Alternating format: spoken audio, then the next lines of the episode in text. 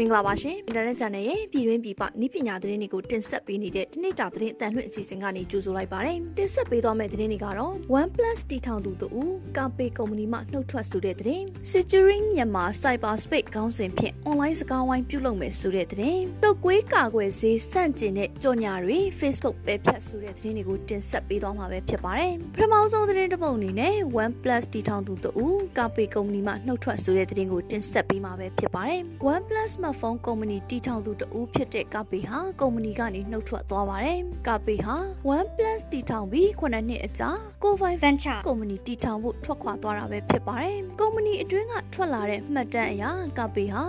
ကုမ္ပဏီပြန်လည်ဖွဲ့စည်းမှုအစီအစဉ်မှာမပါတော့ပါဘူး OnePlus Note Phone အကြီးအကဲအဖြစ်အိန္ဒိယက OnePlus လုပ်ငန်းအကြီးအကဲအင်မလီတိုင်ကအစားဝင်လာပါတယ်ကာပေဟာပုံဖန်တီးတဲ့အကြောင်းရိုက်ကူးထားတဲ့မှတ်တမ်းကားမှာအဖွဲ့ကိုဥဆောင်သူအဖြစ်သိတာစေပါတယ်အိန္ဒိယအတွင်း OnePlus ကုမ္ပဏီတီထောင်ဖွံ့ဖြိုးမှုမှာလည်းကာပေကအရေးပါတဲ့အခန်းကဏ္ဍကပါဝင်ပါတယ်ဆက်လက်ပြီး Securing မြန်မာ Cyberspace ခေါင်းစဉ်ဖြင့် online စကားဝိုင်းပြုလုပ်မယ်ဆိုတဲ့သတင်းကိုတင်ဆက်ပေးမှာပဲဖြစ်ပါတယ်။မြန်မာ Information Security Association MISA ကနေဦးစီးပြီးတော့ Securing မြန်မာ Cyberspace ခေါင်းစဉ်ဖြင့်စကားဝိုင်းကိုအော်တိုဘာလ18ရက်နနက်10:00နာရီခွဲကနေနေ့လယ်12:00နာရီထိ online ကနေတဆင့်ပြုလုပ်သွားမယ်လို့သိရပါတယ်။ဒီဆွေးနွေးပွဲမှာ State of Cyber Security Global Links and ASEAN Roadmap and Strategies for Cyber Security Resiliency in Digital Payment System နဲ့ Cyber Security for Financial Institution စတဲ့ခေါင်းစဉ်တွေနဲ့ဆွေးနွေးသွားမှာဖြစ်တယ်လို့လည်းသိရပါတယ်။ဆွေးနွေးပွဲမှာ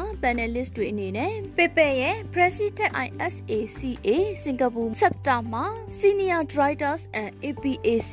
စစ်ကိုမှ Mr. Forum Mahta ရိုးမဘန်မှာ Chief Technology Officer ဖြစ်သူဦးကျော်စိုးလင်း Digital and AYA Innovation Lab AYA ဘန်မှာ Managing Director ဖြစ်သူဦး Christon Wave Money မှာ Chief Technology Officer ဖြစ်သူဦးရအောင်မိုင်တို့ကပါဝင်ဆွေးနွေးသွားမှာဖြစ်ပြီးတော့ Moderator အနေနဲ့ BIM Cyber Security ရဲ့ Managing Director MISA ရဲ့ Co-founder နဲ့ Secretary ဖြစ်သူဦးမိုက်ဖုံးမြင့်တို့ကပြုလုပ်ပေးသွားမှာဖြစ်ပါတယ်။အခမ်းအနားတက်ရောက်လိုသူတွေအနေနဲ့ www.bit.ly/377rhfe ကနေတဆင့် register ပြုလုပ်ရမှာပဲဖြစ်ပါတယ်။နောက်ဆုံးသတင်းတစ်ပုဒ်အနေနဲ့တုတ်ကွေးကာကွယ်ဆေးစန့်ကျင်တဲ့ကြော်ညာတွေ Facebook ပဲဖြတ်ဆိုတဲ့သတင်းကိုတင်ဆက်ပေးမှာပဲဖြစ်ပါတယ်။ Facebook ဟာတုတ်ကွေးကာကွယ်ဆေးဖြန့်ချီဖို့ကျန်းမာရေးဆိုင်ရာလှုံ့ဆော်မှုကိုပြုလုပ်မဲ့အတွက်ကာကွယ်ဆေးထိုးခြင်းကိုအားမပေးတဲ့ကြော်ညာတွေကိုပယ်ဖျက်မယ်လို့ထုတ်ပြန်လိုက်ပါတယ်။အခုအပြောင်းလဲက Facebook ရဲ့ရခင် policy တွေနဲ့လုံးဝ